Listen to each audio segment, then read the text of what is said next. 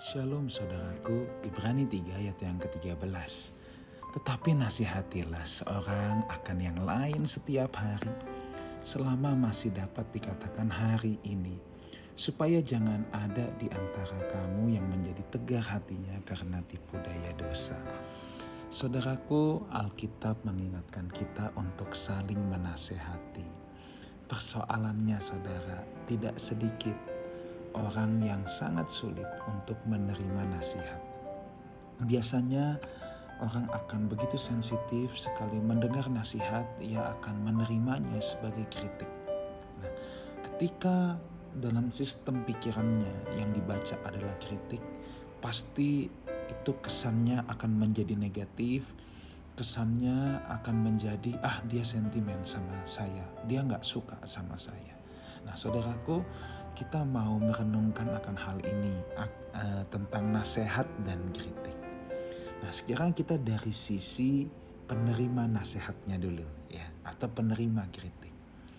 Saudaraku, ketika seseorang memberikan apa pun itu namanya nasihat atau kritik, hendaknya kita tidak cepat bereaksi. Kita tenang dulu, kita ambil waktu, kita merenungkan apakah yang ia katakan benar adanya. Kalau kita sudah keburu resisten, kalau kita sudah keburu menolak dulu tanpa kita pikirkan, kita akan menjadi orang yang tidak bisa terima masukan. Ya. Nah, masukan di sini kan bisa nasihat, bisa kritik. Ya. Nah, memang katakanlah kita konotasikan nasihat sebagai hal yang positif, kritik sebagai hal yang kurang enak atau negatif ya. Tidak ada manusia sebenarnya yang senang dikritik. Tetapi ketika kita menerima masukan itu, entah itu nasihat atau kritik, hendaklah kita absorb dulu, kita serap dulu, kita pikirkan dulu, kita renungkan dulu, apakah itu benar adanya. Bila itu benar adanya, ya udah saudara, tidak apa ya. Kita yuk kita belajar gitu ya untuk memperbaiki diri lewat masukan-masukan itu. Kita tidak perlu menjadi kecil hati ataupun menjadi sakit hati tatkala kita menerima masukan tersebut. Ya. Nah, lalu dari sisi penerima, uh, dari sisi pemberi kritik maksud saya, ya. Kalau dari sisi pemberi kritik atau atau pemberi masukan atau pemberi nasihat, nah ini yang membedakan nasihat dengan kritik. Kalau kritik dasarnya itu adalah ketidaksukaan kritik dasarnya ketidaksenangan. Ya. Tapi kalau nasihat dasarnya itu membangun.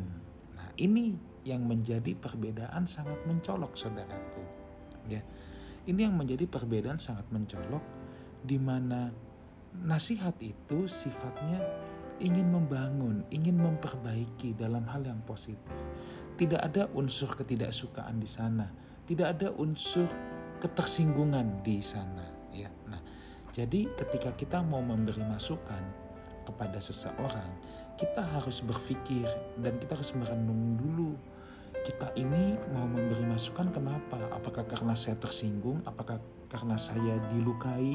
Saya terluka? Saya tidak senang? Atau apa? Ya. Nah, kalau ada dasar-dasar seperti itu, sebaiknya sebelum kita memberikan masukan kepada seseorang, lebih baik kita bereskan hati kita dulu kalau hati kita sudah beres, baru kita berikan masukan.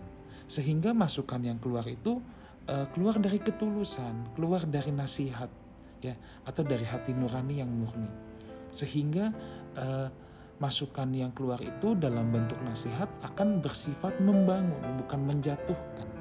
Membangun bukan sebagai peluapan emosi. Nah, ini yang perlu kita pertimbangkan ya. Jadi kalau kita mau berikan masukan kepada seseorang, kita cek diri kita sendiri dulu. Adakah aku sakit hati, adakah aku luka? Bila ya, kita bereskan dulu, baru beri masukan. Supaya masukan itu menjadi nasihat yang membangun. Kiranya Tuhan memberkati kita semua. Amin.